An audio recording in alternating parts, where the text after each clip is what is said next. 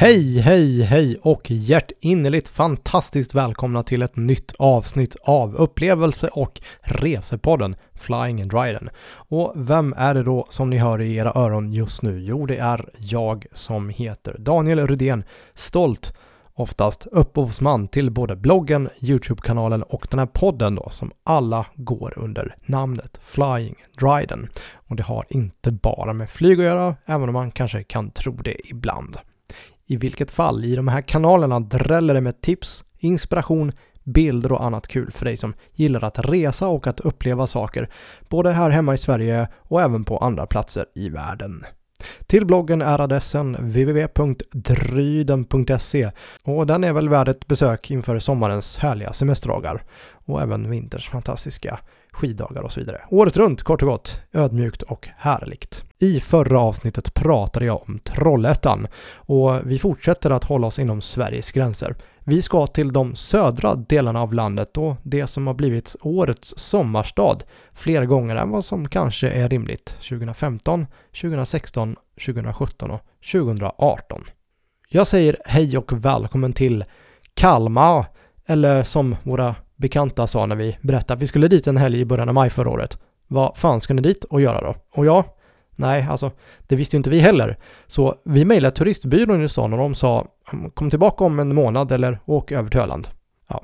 Eftersom jag och min sambo Maria har svart bälte i off-season-resor så trotsade vi alla farhågor och åkte till Kalmar ändå. Och ja, det mesta i turistväg var ju faktiskt stängt så vi fick sonika improvisera. I slutändan en bra helg som lärde oss en hel del om just Kalmar. Och det tänker jag därför prata om idag. Och det är åtminstone 15 intressanta fakta som kan vara bra att ha koll på då om man ska dit. Och ni får ju då såklart några besöksmål på köpet. Så idag kör vi Kalmar. Välkomna! Det är inte riktigt klargjort vem som grundade Kalmar eller ens när det skedde. Det vi däremot vet är att Kalmarsund omnämns på en runsten från vikingatiden och namnet nämns också som ett slott på 1100-talet. På 1200-talet är det här en av Nordens viktigaste städer och en stor handelsplats inom Hansa-nätverket. Stan präglas av rika tyska handelsmän och det som går mest på export är kära, virke från Småland, sten från Öland samt smör, järn, säd och skinn.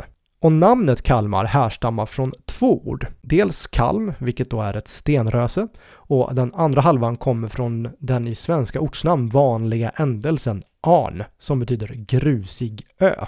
Kort och gott Kalmar, eller Kalmarnäs, som det omnämndes som på 1100-talet. När vi tänker på städer som flyttas eller har flyttats är nog Kiruna det som ploppar upp först. Men faktum är att Kalmar också har flyttats och det gjordes redan på 1600-talet.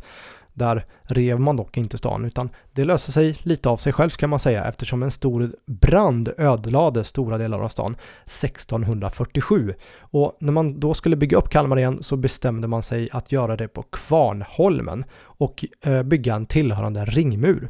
Och utifrån säkerhetsläget som rådde vid den här tiden så låter det ju faktiskt helt rimligt. Kvarnholmen är idag det som vi kallar för Gamla stan i Kalmar.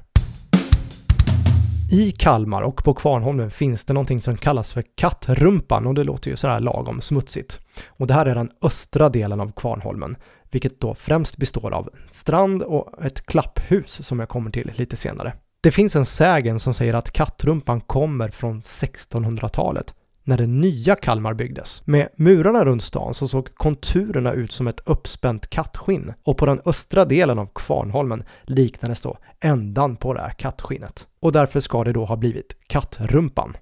Och när vi ändå är inne på muren runt Kalmar och Kvarnholmen så finns det, det kanske inte är fakta, men det finns ett rykte som säger att FFs bar och ett litet kök är Sveriges enda restaurang som är belägen i en mur. Precis i anslutning till Västerport så kliver man innanför dörrarna på en väldigt egendomlig restaurang. Förutom valv och passager som till och med jag som inte är jättelång får ducka för så serveras det eh, riktigt bra mat där.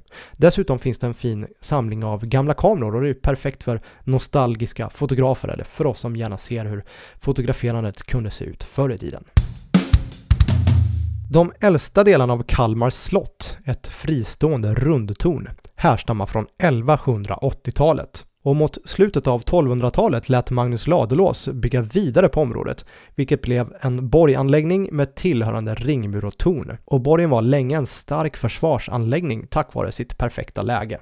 Vid den här tiden gick ju gränsen mot Danmark bara några mil söderut. Under 1500-talet förvandlades dock den här medeltida borgen till slottet som vi då känner idag och det var Gustav Vasa med söner som omvandlade borgen till ett renässanspalats efter förebilder från kontinenten och vi får väl erkänna att det är ett ganska pampigt bygge. Alldeles norr om Kvarnholmen byggdes på 1700-talet försvarsverket Fredriksskans och namnet låter kanske bekant. Och de här resterna av Fredriksskans ligger förmodligen kvar under marken än idag. 1917 så uppfördes här en idrottsplats och den hette från början Kalmar idrottspark. Även om den i folkmun redan då kallades för det den heter idag, Fredriksskans. Men det var först 1943 som den fick sitt rättmätiga namn. Och 2008 så vann Kalmar FF sitt SM-guld här med då arenan som hemmaplan.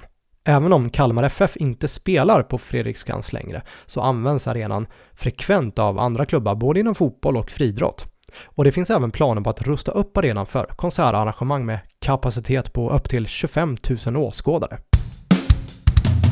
När jag pratade om Kattrumpan förut och Kvarnholmen så nämnde jag ordet klapphus och då kanske ni kan tänka vad fan är ett klapphus? Och det tänkte jag också första gången jag hörde talas om det. Det här är ett hus som står på norra änden av Kvarnholmen och det byggdes 1902 till 1906 och det här är idag det enda bevarade klapphuset i sitt slag i hela Skandinavien. Men vad är då ett klapphus?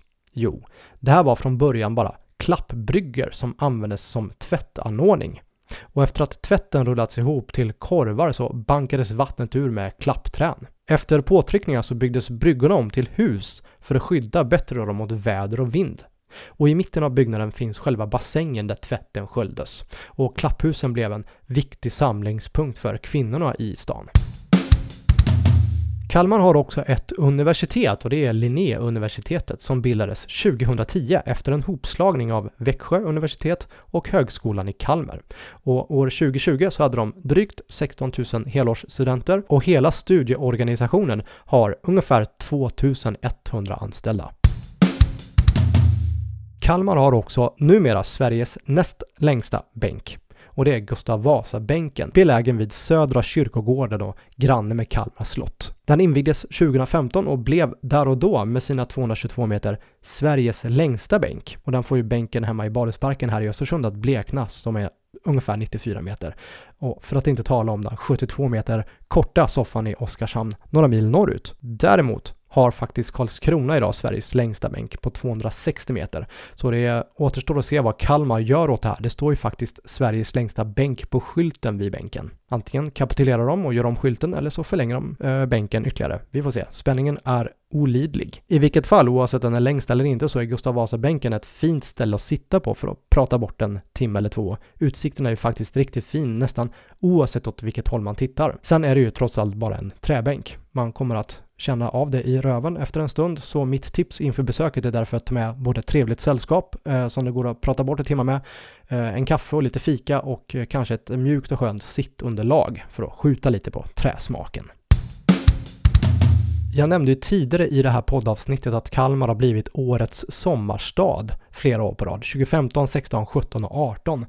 Och det var Reseguiden som anordnade den här omröstningen på sin sajt. Men 2019 så bestämde de sig för att lägga ner tävlingen. Den riskerade helt enkelt att förlora sin tyngd och sitt syfte då efter att internetanvändarna röstade fram Kalmar fyra år på rad. Och då trodde ju då att kalmariterna att segern var hemma för alltid. Men icke. 2020 återuppstod tävlingen och nu återstår det bara att se hur länge Reseguiden håller den vid liv den här gången. Nu har nämligen sajtens användare bestämt sig för att det är Västervik som är bästa sommarstaden både 2020 och 2021. Vi får väl se vart det här slutar.